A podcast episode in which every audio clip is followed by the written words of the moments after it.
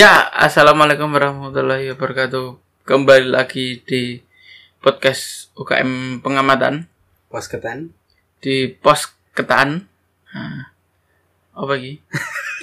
ah kita lagi di Minggu lalu, minggu lalu, minggu lalu kita bahas Ah. tentang kos ya. kos eh, kos di Jogja. Kos di Jogja. Likaliku kos di Jogja. Dikaliku ya, beberapa pengalaman-pengalaman angker ya. Mm-mm. Angker juga ada juga eh, beberapa kayak apa ya, pengalaman kita sendiri ya Iya. sama orang-orang juga. Teman-teman terdekat. Terus Oke. kebetulan setelah episode minggu lalu banyak banget nih yang DM itu tentang Bo, iki min bahas tentang tempat angker Tempat-tempat. di Yogyakarta. Iya. Karena emang Yogja di sini kayak ya nggak nggih Yo, mohon maaf di sini kayak demit tok loh. apa nih? Iya kutone. Oh, kudu nih. Ya antara demit sing gak ketok ya karo menungsane ajane ana sing demit ya. Oh, gitu. Sa UMR yo angker kuwi. Apa? UMR. Oh iya. Wuh, nino nino. Duit duit. Yo tempat angker Yo. di Yogyakarta. Menurutmu mana pan? Eh kita bahas ini dulu aja. Kan uh, kayak Bang Martin juga sempat ngepost ya tempat angker di Yogyakarta juga Nah, sebenarnya. tuh. Tapi kan pengen dibahas lebih jauh. Ya, oke. Ini dari uh, postingan Kemang Martin 4 hari 4 hari yang lalu. Tanggal berapa berarti? Tanggal 9. 9 Maret 2023. Tempat angker di Yogyakarta. Yang pertama, Bundaran Teknik UGM. Katanya ya, Mm-mm. ini mahasiswa yang menceritakan kejadian aneh yang sering terjadi di Bundaran Teknik UGM. Saat malam hari dilarang sekali bernyanyi lagu gugur bunga. Saat berada di Bundaran Teknik UGM, jika melanggar maka akan ada arwah pejuang yang ikut akan ikut bernyanyi. bernyanyi bersamamu. Entah dengan aroma kemenyan dan kembang yang bau yang Menyengat. baunya menyengat. Ya. Oke, kita bahas pelan-pelan. Kalau sebenarnya menyanyikan gugur bunga tuh eh apa ya? Aku di sini tuh. Ku lho sing pokoknya gue iki lag- eh, lagunya Laguku. ah pahlawan. Itu kan lagunya mengenang pahlawan Ya kan mungkin ya kan ini sebenarnya kan antara mitos atau atau fakta. bukan ya fakta ya itu Ya. itu, itu atau Anu, lho, sing apa? urban legend. Nah, ya kayak gitulah. Itu- udah banyak yang ini kan, maksudnya percaya kan. Mm-mm.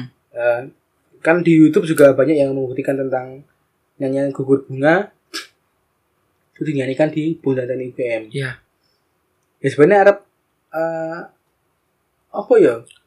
Mungkin itu ras nek aku menurutku tuh salah satu cara agar orang-orang tetap mengingat pahlawan, Mm-mm. makanya di Gue mengenang mengenang si itu dengan gugur bunga kuwi. kan menyanyikan itu toh. Nah, tapi emang nek secara lagu emang agak Agak, ya, maksudnya agak ya, creepy agak- ya, creepy. Mendalami.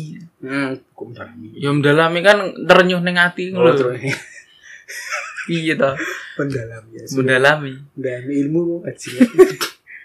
Nah, mungkin lek menurutku juga itu kayak pahlawan iki ya mungkin emang kan lagunya itu untuk mengenang pahlawan.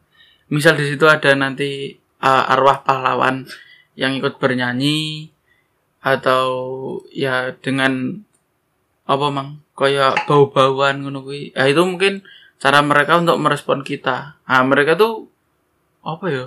Menya, me- men- menyambut karena kita mengenang ya mereka tuh juga oh iya silahkan mungkin Tapi- seperti itu Tapi aja menyanyikan gugur bunga di siang hari. oh Nanti yang datang pahlawan kesiangan.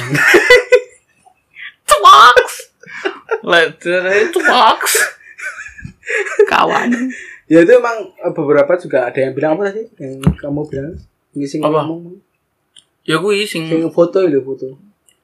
Jangan oh yang ah, kalau ini ini tadi kan di bundaran teknik UGM Hmm.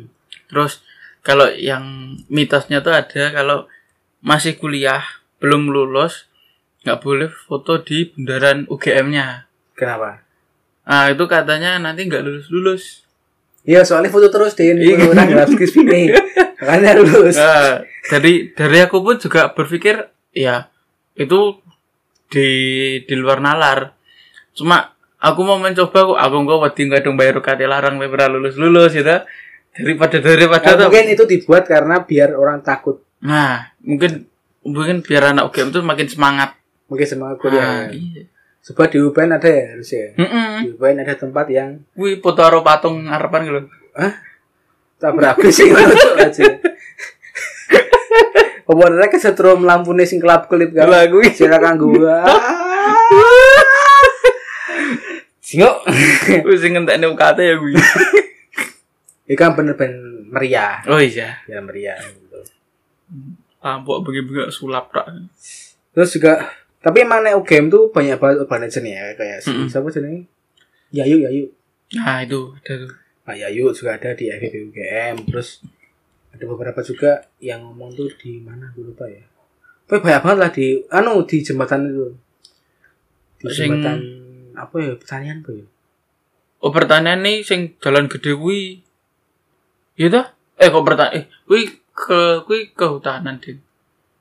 Pertanyaannya sih ndi ta? Berarti ya sing petani Ya lah balik. Intinya lah nang kehutanan ki mistise ambune telek kuntul. ya kan emang akeh iki Iya, kan emang dibuat untuk seperti tapi hutan. emang ini pernah juga tapi emang nek, ini enggak men- menskreditkan suatu kampus enggak Iya. tapi kita cuma cuma membahas aja. U- UGM tuh emang kalau secara awal mungkin karena mungkin gede ya gede Oh, banyak gede pohonnya juga jadi daya tarik malu gaib juga kencang di situ bagi kalau Mm-mm. malam kan sepi tuh Ya itu yang jalan apa kayak selokan Mataram eh, lurus loh.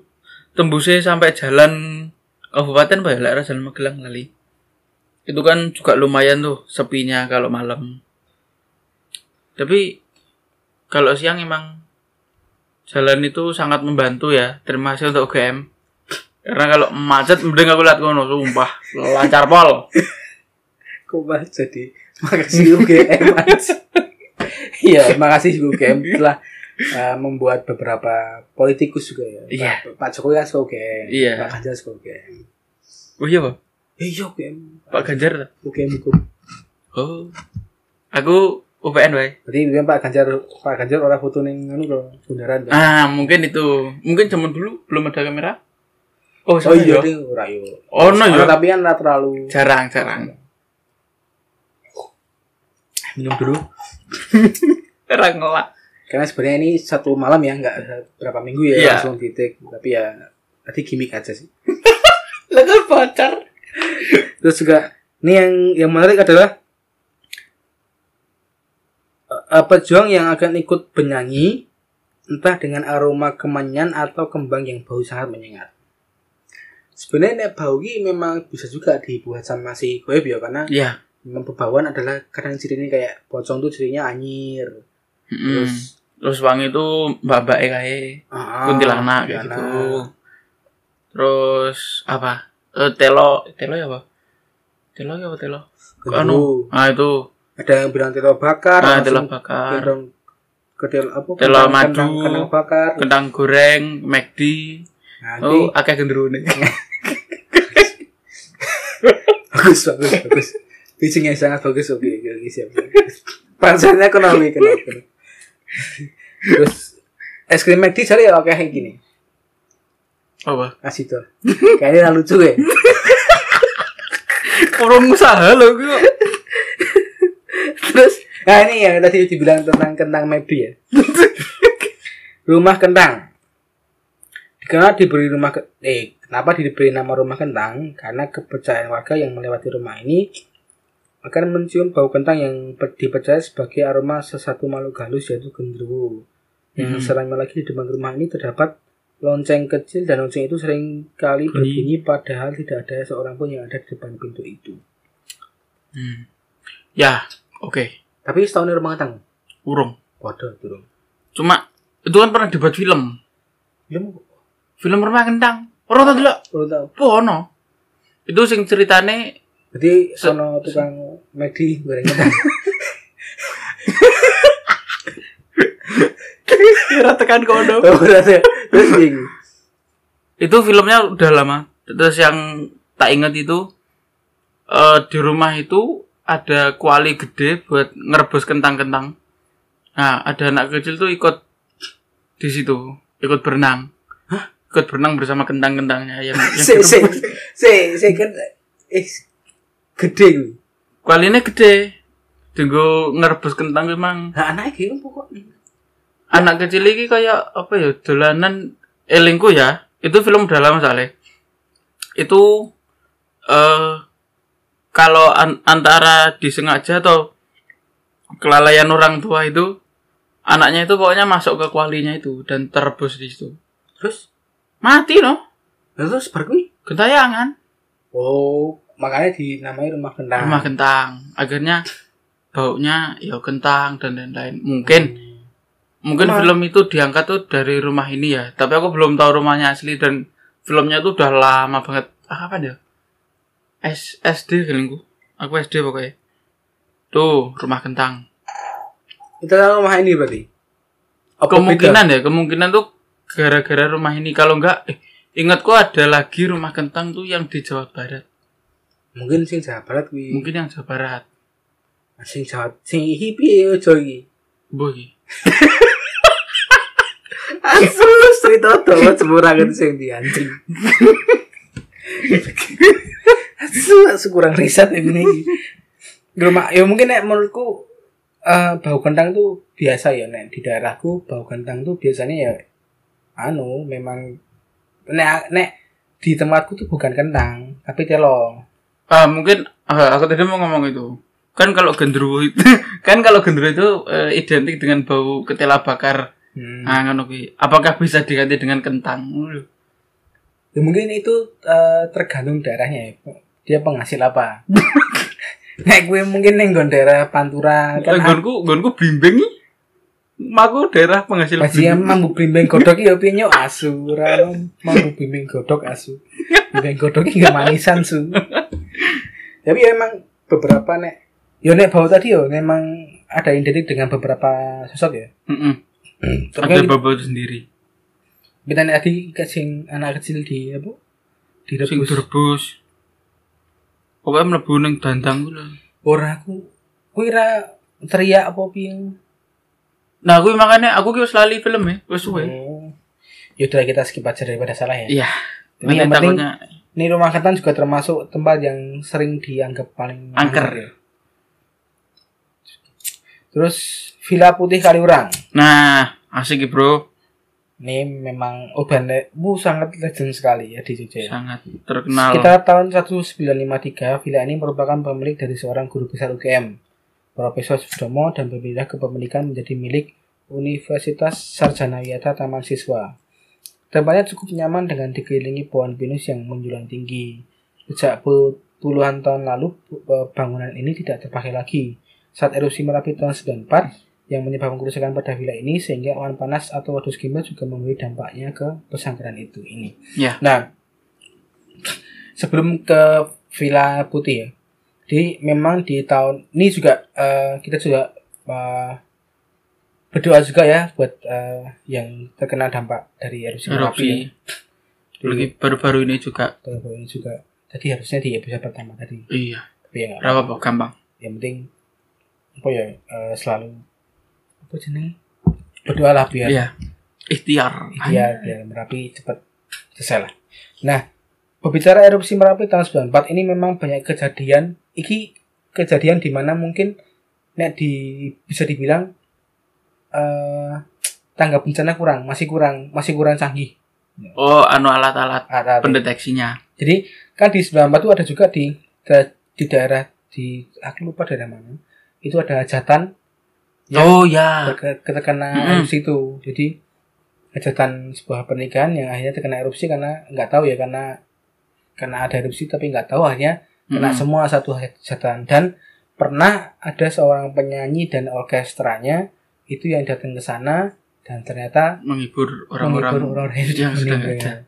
Nah, kalau itu eh itu kayaknya udah tahu tapi ad- eh, ada beberapa orang yang lari ada yang enggak ada cerita seperti itu eh mohon maaf kalau ini tempatnya salah ya soalnya ini ceritanya mirip banget itu di daerah anu bukit eh apa kembarannya merapi lah Bukit Turgo. Oh, gitu kok. Nah, di situ kepercayaan orang di sana Merapi ini saudaranya Bukit Turgo.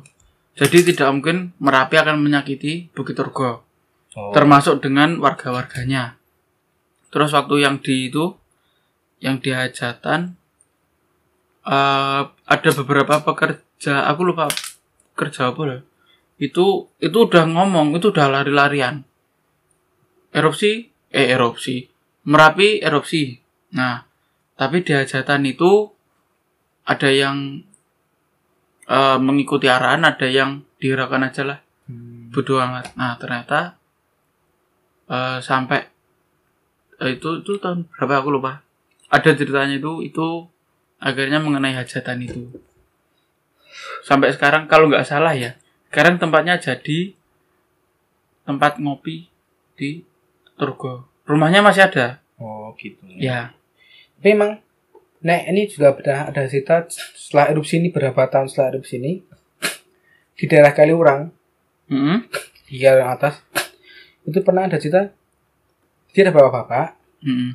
naik motor tiba-tiba tuh ketemu pocong pocong itu warna merah satu di depan terus belakangnya wakeh banget pocong tapi warna putih Oh, nah itu yang di, dikatanya itu adalah lampor oh lampornya juga. lampornya sing sing kuwi sing ning Merapi kuwi oh, dan si pocong merah ini yang yang ngambil-ngambil. Fitur gawe lho sing apa kayak mengelilingi orang-orang di sana gitu loh.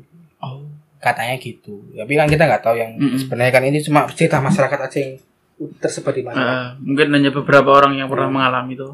Terus kembali lagi ke pembahasan Villa Putih Kaliurang. Oke. Sebulan yang lalu kita ke sana Iya. dua kali.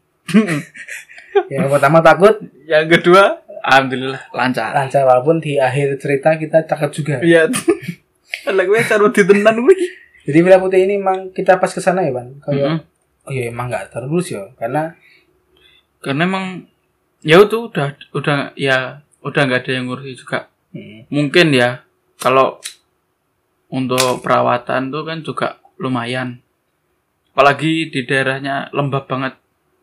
Tumbuhan banyak. dan juga maaf ya pas ini ini nyata kita nggak merekayasa pas kita ke sana itu banyak banget dupa Mm-mm. dan coretan-coretan kertas yang Coretan-coretan. disinyalir itu jadi tempat nyari nomor Ya. nah ini yang kita sayangkan ya maksudnya Mm-mm. Itu apa ya? Ya tempat berse ya menurutku itu tempat ya Menurutku sejarah. menurutku ya. menurutku menurutku ya menurutku itu juga tempat bersejarah karena emang tempatnya tuh bersebelahan sama Gua Jepang. Hmm. Nah, jadi kalau kita mau ke Gua Jepang, nah, itu kita pasti melewati villa ini. Deket banget, jalan pun bisa. nah nek itu selain jadi pesugihan-pesugihan Ah, ah. sih ya bukan pesugihan ya kayak nyari nomor ya Ah, cari nomor. itu yo memang tempatnya creepy banget sih karena banyak sosok-sosok yang Yang- maaf ya kurang komplit Ya. terus ada juga sosok yang memang kekuatan dari orang-orang yang cari nomor ini karena udah dianggap angker akhirnya dijadikan tempat kayak gitu maka Kasih energinya makan. akan semakin kuat kayak gitulah Wih, makanya ojo sampai ngepai panganan yang barang sing nggak ketok. nah gitu terus juga kita kemarin pas kedua kali itu sempat ini juga ya berkomunikasi ya Iya. sama- karena me- me- me- media mediasi ya Mediasi. mediasi dengan Eh, me- mediumisasi. mediumisasi Mediasi ki Ayo. arepe perang itu non blok mediumisasi eh, cerita- ceritakan memang banyak orang yang ya nyari nomor. naik nomor dan pesugihan Ah, kayak gitu. Dan Ya. creepy-nya tuh ya kita rasakan sendiri. Mati lampu. Mm-mm. Hmm. waktu itu cerita dikit ya waktu itu kita bawa apa namanya itu Ada lighting, Lighting buat kamera tuh ada. Terus Bawa center. Terus yang terakhir yaitu flashlightnya HP. ya waktu itu itu pada posisi itu baterainya masih dua ya Ma- Masih dua. si dua tiba-tiba pas mediumisasi beberapa menit setelah mediumisasi itu mati Langsung mati. mati pet Nah langsung aku inisiatif pakai center. pakai senter Senternya nggak bisa nyala dua-duanya loh. aku panik. Ya panik ya saya dikeluarin ya, dikeluarin media Mm-mm. posisi kelar. Kita Langsung. turun, turun ke bawah. Tiba-tiba center flashlight kamera, Kamera tuh nyala. tiba-tiba nyala. Bisa. Bisa. Dek, nyala. Langsung Sampai sampai rumah pun nyala. sampai bawahnya. Dan kita langsung kabur, kabur, kabur. Kan. Itu itu pengalaman ya tidak masuk di akal tapi itu yang aku rasakan nyata. Orang awam pun bisa merasakan kejadian itu. Oh, Ti- Iya. Tidak dibuat-buat itu. Wes, aku panik tenan wis, sumpah. Loh, mati asu. Terus ini sih ada juga lagi sanatorium Pakem. Nah, Mungkin banyak orang yang belum tahu tentang sanatorium yang terletak di Jalan Kaliurang KM 21 Pakem, Yogyakarta.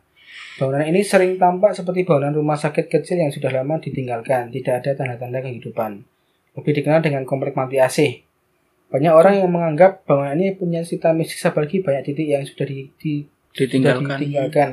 Dengan bangunan lama yang masih berdiri menjadikan bangunan ini memancarkan suasana mistis apalagi ketika mengunjunginya pada malam hari Mm-mm. ya ketika malam hari emang kadang Emang- kalau tempat kayak gitu ya Ah. mistis ya tapi emang naik panti AC menurutku berbeda kan Berbeda. kamu pernah juga tuh Itu panti AC itu yang beroperasi itu kalau nggak salah ada berapa gedung ya? Ada tiga tiga ingatku. Nah itu yang kayak ada ini apa ya Banjar. Mau lek nyamburi apa Banjar? Ya banjar Nah, ada dua Banjar yang kepake itu cuma satu Banjar aja. Yang yang di tengah itu bangunannya hancur, kaca pecah dan itu yang menurutku aktivitasnya paling banyak di situ. tapi emang karena tempatnya juga petang banget sih Mm-mm, beteng banget. koyora koyor Tidak- plana tekan Maaf. Apalagi wah malam. Itu ada kalau ke belakang itu ada kayak rumah-rumah juga. Itu tembus ke kali apa ya? Pokoknya tuh ada jalan tembus sampai sungai. Itu aku ingat banget waktu survei siang-siang sih. Itu ada rumah kosong dua. Nah kalau malam bahayanya kalau nggak tahu jalan masuknya ke sungai. Langsung turun. tapi emang ya mungkin ada beberapa juga yang udah membuktikan ya aku kita nggak tahu ya Iya. pernah Ada. Aku ad- eh, pernah lihat stikernya siapa ya? Ada lah pokoknya eh, youtuber juga pernah ke rumah kosong yang aku bilang tadi. Itu pernah ke sana. Cuma kita pas mau ke sana izinnya sulit. bayar mahal Ya. ya kan Mm-mm. ya aneh juga sih ada tempat kosong Iya. Ya. Tarif. Nah, mending buat apa lah buat rame-rame apa. Tapi selain rum- selain tempat ini menurutmu beberapa tempat angker sing ning Jogja ndi? Mana Sing ya? ketika aku lewati deng langsung semending. Ah, saya tak eling-elingi. Janti. Jembatan Janti. Iya. Di bawah apa di? Di bawah. Oh yang di dekat rel. Mm-mm. Di bawah. Terus kalau di atas itu menurutku cuma sebenarnya kurang penerangan sih. Pak, PUPR, tolong Pak. Kan kui ben story ini apa nek story. Nah, tapi di situ mungkin Antah. banyak tapi yang yang di bawah itu emang kerasa banget karena yang di bawah itu pertama kalau udah malam yang jualan-jualan udah nggak ada sepi lampunya kuning tempatnya gelap kan juga mitosnya kan ada ini apa jenenge? katanya ada yang pernah Apa jenenge? bunuh diri Sing apa sih? Sing nutup kuping apa? Demi sing nutup kuping. setan budek Nah, setan budek. Mitosnya ada setan budek itu yang memang menyesatkan orang Mm-mm. kalau nggak dengar suara kita. Makanya kan banyak kena banyak kecelakaan itu akhirnya ditutup. Ditutup. Wih. tidak bisa jalan terus kan Hmm. kalau mau ke di berbah itu harus lewat atas Terus kalau menurutku sing tempat Dia ngerti Bali Asar. Oh ya itu terkenalnya es doger bro Nah, nek menurutku ya nek tempat yang paling deep ya menurutku ya tempat situ. Karena nek menurutku banyak apa ya kayak residual energi sing di itunya enggak sih apa deh bendungannya apa kok bendungan apa? kok kok, kok bendungan apa Hah, apa lo? Isinya banyak-banyak apa? Waduh, apa? Ono waduhe apa? Tambah ono kiri jalan. Hmm. Orang hati ngomongan. Lek lurus, kalau lurus itu ke arah yang jualan es doger. Oh, bukan situ. Kuwi Ya kan- sing dalan es doger kuwi. Oh, jalan es doger wi. Ya pokoknya bengi lewat kono. Peteng. Ya betul kuwi. Karena memang urban legend juga ning kono iki. Oh. Jadi memang banyak eh, tempat-tempat sing sing bening Balai Asa tuh katanya tuh ada salah satu pohon itu memang ada pen- penghuninya dan memang sering menyesatkan. Hmm, ya. Tapi kalau kata sih eh, kalau kata warga ya beberapa cerita itu sering dengar kereta tapi tan- tanpa ada keretanya suara Hmm. kereta aja. Terus ada lagi itu di Ring Road. Kono gini, timur. Ring Road timur. Eh. Ring Road barat, sorry sorry. Ring Road barat, sorry. Ring Road barat, bro.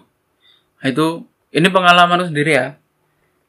Ada temanku itu rumahnya di daerah Jalan Kabupaten. hmm. Nah, karena saya sebagai anak motor, anjay. Nah, itu malam-malam nyeting motor. Hmm. Nah, bongkar-bongkar, bongkar-bongkar kirian. Nah, kalian tahu lah kalau bongkar kirian. Bongkar CBT. Nah, terus sekalian nyobain kan. Itu buat ke keluar ke daerah Ring Road Barat. Aku ngelewatin pertigaan. Itu creepy banget. Emang perkampungan sih, perkampungan tapi dekatnya banyak kuburan. Terus di kiri, aku nengok kiri, jebret. Nah, itu dengan mata kepala saya sendiri. Enek cewek, tapi melayang. Terus lurus terus sampai ketemu gapura, itu pun aku masih merasa ada yang ngeliatin. Nah, keluar di ring road, apa mau di barat. Barat. Hari Road barat itu langsung gelap. Emang di situ jarang lampu sih. Lampu lagi ya, Pak. Coba Pak Bas, Pak Bas, tolong Pak Bas. Apa Itu- semua oke iya. Percaya aku. Terus terus. Jadi ya katanya di situ banyak kecelakaan. Nah, pesugihan. Mm-mm.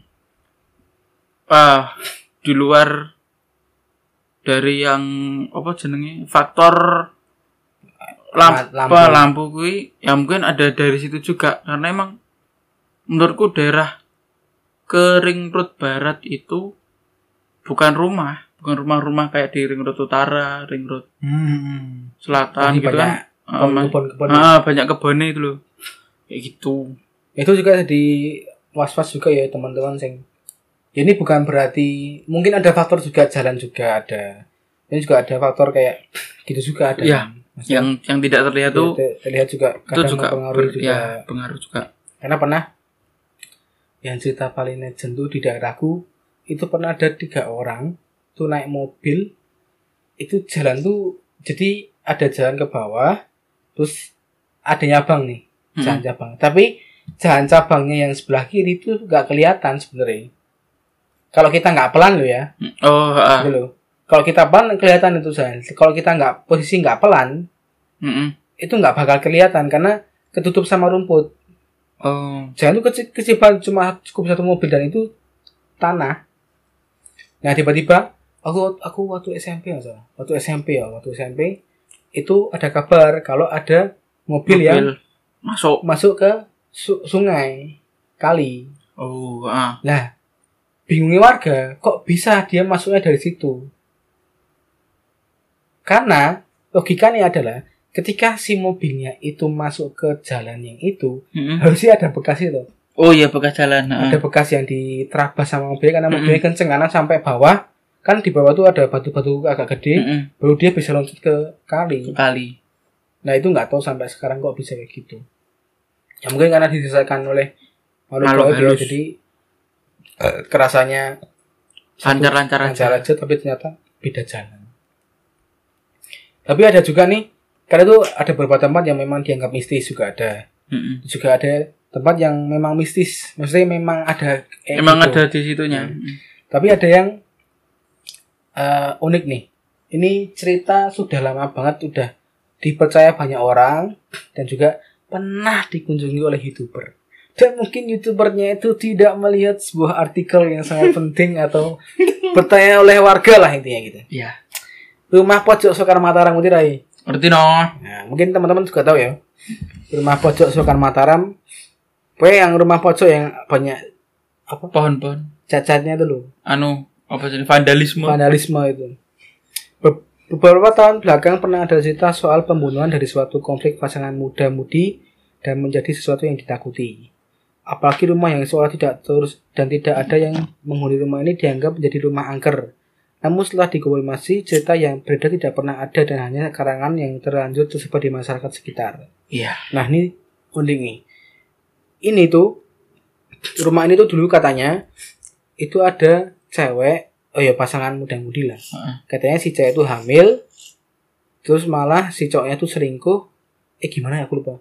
Pokoknya sih antara si cewek hamil atau gimana lupa. Pokoknya Apa cowoknya yang ngambil? hmm, bagus.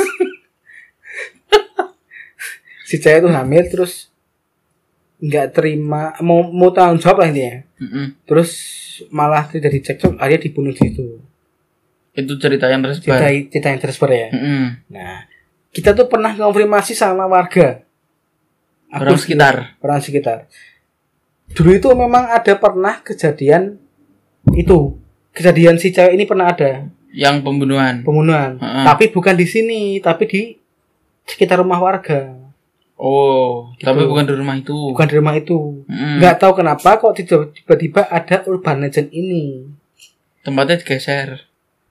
tempatnya digeser jadi di rumah ini gitu. Mungkin ini yang kayak tadi ada apa? Ada yang penghuni, ada penghuni yang uh, episode pertama ya. Mm-mm. Episode kemarin yang ada rumah uh, kos-kosan terus Iya. dibilang angker gitu loh. Iya, betul. Nggak tahu tempatnya kok jadi di rumah ini. Kenapa warganya juga nggak tahu kenapa bisa.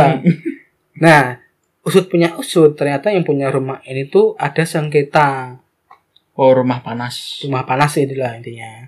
Rumah yang intinya gimana gimana ada harta gono gini dan segala macam. Mm-mm. akhirnya kalau nggak salah ya artinya di, dipunyai seorang dosen nggak salah dosen di UGM atau gimana lupa Nah, UGM nah. ya. hmm, UGM kabeh kabeh UGM juga ya. Kan mangur banget sini UGM, Pak. terus eh, si dosen ini tuh punya kasus apa atau gimana terus dia ngilang gitu loh dia. Oh. ya ada ada yang bilang itu ada juga yang tadi eh, rumah sengketa nggak tahu yang benar yang mana tapi Hmm. kata warga memang cerita itu sebenarnya nggak ada dan ternyata ada youtuber yang datang ke sana dan Ngomong- orangnya pin yang dianggap pintar atau yang bisa melihat dia bilang kalau emang ada pembunuhan malah Aku malah malah si youtuber itu bilang ada ini pan gantung diri Wow, ono meneh. ono meneh katanya gitu ya ternyata butuh riset dulu ya kalau datang ke tempat kayak gitu karena ya gimana ya karena kan nah ini gini nih ini jadi polemik di masyarakat masyarakat masyarakat Indonesia Mm-mm. antara yang pro dan kontra dengan hal gaib Yo, betul. betul kan Betul. pro eh, yang pro sama hal gaib adalah memang kadang setiap rumah yang di nggak dihuni lama pasti Mm-mm. dianggap angker Iya. Betul. yang kontra pasti bilang angker tuh cuma anggapan aja jadinya jadi Mm-mm. rumah angker dulu maksudnya Iya. ketika orang sudah Udah bermindset rumah keluar heeh. angker makanya jadi angker Udah dulu diangker. nah tapi sebenarnya nggak semua tuh rumah yang kosong tuh jadi angker Angker. Iya, betul. maksudnya tergantung juga dari suasananya juga sama Mm-mm. juga makhluk-makhluk gaibnya karena mereka kadang kuat di situ karena udah dianggap Udah Udah dianggap rumah sendiri. rumah angker gitu loh Iya. Jadi kuat tuh loh mindset masyarakat udah takut lihat itu ketakutan itu dijadikan mereka sebuah energi Nah, betul. Jadi kayak jadi eh, mereka ini sebenarnya kalau bisa mewujudkan diri itu karena menyerap energi takut, energi marah. Nah, kayak gitu. Kalau di lingkungan itu energi negatif lah intinya. Mereka itu bisa membuat misal satu rumah kosong. Kalau emang nggak ada apa-apanya ya mereka nggak bakal tinggal di situ. Kecuali kalau emang lingkungannya menganggap Nah, sudah menganggap itu angker, akhirnya mereka jadi takut. Nah, si mereka ini menangkap energi yang eh, menyimpannya itu ya di rumah itu. Nah, ya itu kadang eh, kayak ini kasus Soka Masam lah. Di mana? Jadinya di mana? Ya. Nah, jadi buat himbauan kalian tuh eh, jangan gampang ngejudge kayak mangker nah jangan kayak Kalau gitu ya. mau nganggap angker ya kalau kalian ke sana kesurupan nah itu baru angker. minimal Minimal minimal kesurupan. senggol dong Sila. Nah itu apa ya kayak kadang ki gini. eh rumah seringnya dianggap angker akhirnya dipercaya dan kemudian orang-orang apa ya kayak ya itu nyebar cerita tuh. nyebar cerita ke mana-mana yang kadang kita nggak tahu nggak tahu gimana jelasnya Mm-mm. gitu loh. Kayak gini ya aku pernah dengar aku aku lupa dari mana ya. Cerita tentang iki apa namanya? Prambanan Roro Jonggrang. Oh ya itu katanya ini katanya ya loh. Ya. Mm-mm. ini aku nggak tahu lupa aku dari mana tapi aku, aku pernah dengar. Si cerita Prambanan ini dulu tuh dibuat Roro Jonggrang ini dibuat sama Belanda. Oh sebelum dibuat itu, sebelum dibuat cerita itu, karena Belanda udah tahu kalau orang-orang Indonesia ini punya ketakutan dengan hal gaib, Mm-mm. itu pernah ter- kan dulu pernah ada wabah malaria. Mm-mm, ya Nah, Waktu itu ada warga yang datang ke sana ke Prambanan. ke Prambanan Karena dulu Prambanan itu dijadikan tempat untuk iki amunisi, oh penyimpanan Penyimpanan. gudang senjata lah gudang senjata. Ada warga yang ke sana tiba-tiba iki pan apa loro. oh. Tiba-tiba karena malaria kan langsung sakit toh. iya Nah, dikonfirmasi Belanda ngomong sama seseorang disuruh bilang kalau itu tuh kena hal gaib yang ada di daerah Prambanan itu. Prambanan iya Ya, dipercaya akhirnya dibuat sebuah cerita itu. Kalau tempat Hmm. ini angka dan saya macam ya mungkin sudah dari zaman Belanda ya. iya mungkin dari Belanda Mungkin kita masih dijajah ya. Mm-mm. jadi Tapi ya nggak apa-apa, itu bisa jadi buat konten Iya. kita itu. Tapi next- memang ada di next juga, ya. sih, sih. Tapi memang ada juga tempat yang memang angker ada ya. ya Bukan bukan angker nek menurutku. eh seja ber, bersejarah apa jenenge apa jenenge mang urban apa Bukan urban legend. Urban legend kan kadang dibuat manusia Oh. juga. Iki apa wingit. Oh wingit ya Wingit itu lebih ke suasana yang alam dan segala macam. Mm-mm. Nah, ini juga wingit tuh iki lho ibaratnya angker mergo alam In- intinya ngono lah intinya beda ya, beda ya. Beda. Beda kan, beda kan. Beda. Wingit sama angker beda loh. Nek wingit itu lebih tapi lebih ke nek wingit itu lebih dihormati, ya ya kan? mm-mm, Nek betul angker itu lebih dibuat konten. kalau angker itu dibuat takut kalau wingit itu lebih buat kita hati-hati Nah, itu. Intinya ngono. Nah, aku tadi lupa mau ngomong apa. Aku tahu mau ngomong apa tuh? wingit Oh, iki wingit, masalah wingit. Ternyata wingit itu karena tadi yang aku bilang orang Indonesia tuh ke percaya dengan hal gaib, Mm-mm. itu juga dimasukkan ke dalam ekologi. Ilmu ekologi, oh ekonomi bukan ekonomi. Kok ekologi tuh aku ngomong? Oh, ngomong. Kearifan lokal, sorry. Kearifan lokal. Contohnya, ada sebuah di situ ada beberapa pohon yang memang menyerap air. Mm-mm. Nah, hanya dibuat cerita gaib bahwa ketika kita memotong pohon itu maka akan terjadi wabah atau bencana di desa itu. Tuh. Dipercaya, hanya karena dipercaya dan orang-orang takut karena ada gaib itu Mm-mm. atau sebuah ancaman itu hanya nggak ditebang tuh. Mm-mm. Padahal secara logika adalah iki ben tanah iki tetap subur, ben air Hmm, tetep ono, nyimpen. nyimpen air. Hmm. Nah, kadang juga ada yang dibuat seperti itu. Tapi nih aku menganggap rumah angker tuh nggak ada sebenarnya. Cuma memang suasana yang apa ya? menyeramkan creepy creepy ya menyeramkan ya. Iya. Nah, angker itu terlalu melebih-lebihkan melebih-lebihkan ya. Ya walaupun ada tempat yang ya takut juga sih. emang ada sih cuma ya karena takut tuh sebenarnya keluar dari diri sendiri Wow. ngono kuwi soalnya ana kancaku sing ora wedi nggen ngono kuwi emang dia ya orang awam sih dan dia emang sulit percaya seperti itu itu ada kayak gitu 2023 nih bos Iki kok tahu horor. Ya nggak apa-apa ya kan pembelajaran aja. iya Tapi ya kalau eh, tempat-tempat yang memang kayak gitu yang kadang di sudah dianggap angker akhirnya si goibnya juga tambah kuat. Maksudnya Mm-mm. ya karena udah percaya ya udah.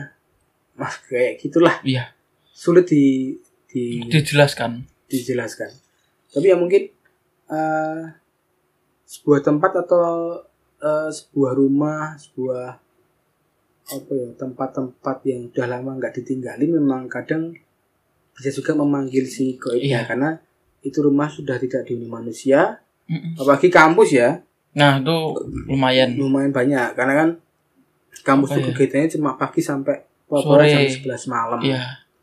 Boleh ada kegiatan yang Yang emang harus emang sampai malam kayak Ah, rapat, kayak latihan gitu. opo gitu. selain di jam itu ya gantian Mm-mm. Kok Jam ini- jam mata kuliah pun paling mentok jam maghrib. nah itu Itu udah paling mentok. makanya buat teman-teman kalau ada tempat yang dibilang angker dan segala macam jangan cepat percaya karena kadang juga memang ada yang dibuat-buat tapi memang ada yang di, memang bener. Emang beneran angker. kayak wingit tadi ya Iya, wingit, wingit, wingit. wingit, bukan angker ya wingit. Mungkin itu eh episode kali ini. Buat teman-teman jangan lupa follow Instagram dan Twitter di UKM Pengamatan. Jangan lupa juga subscribe di Noise. Dan juga lupa follow di Spotify. Terima kasih. Au.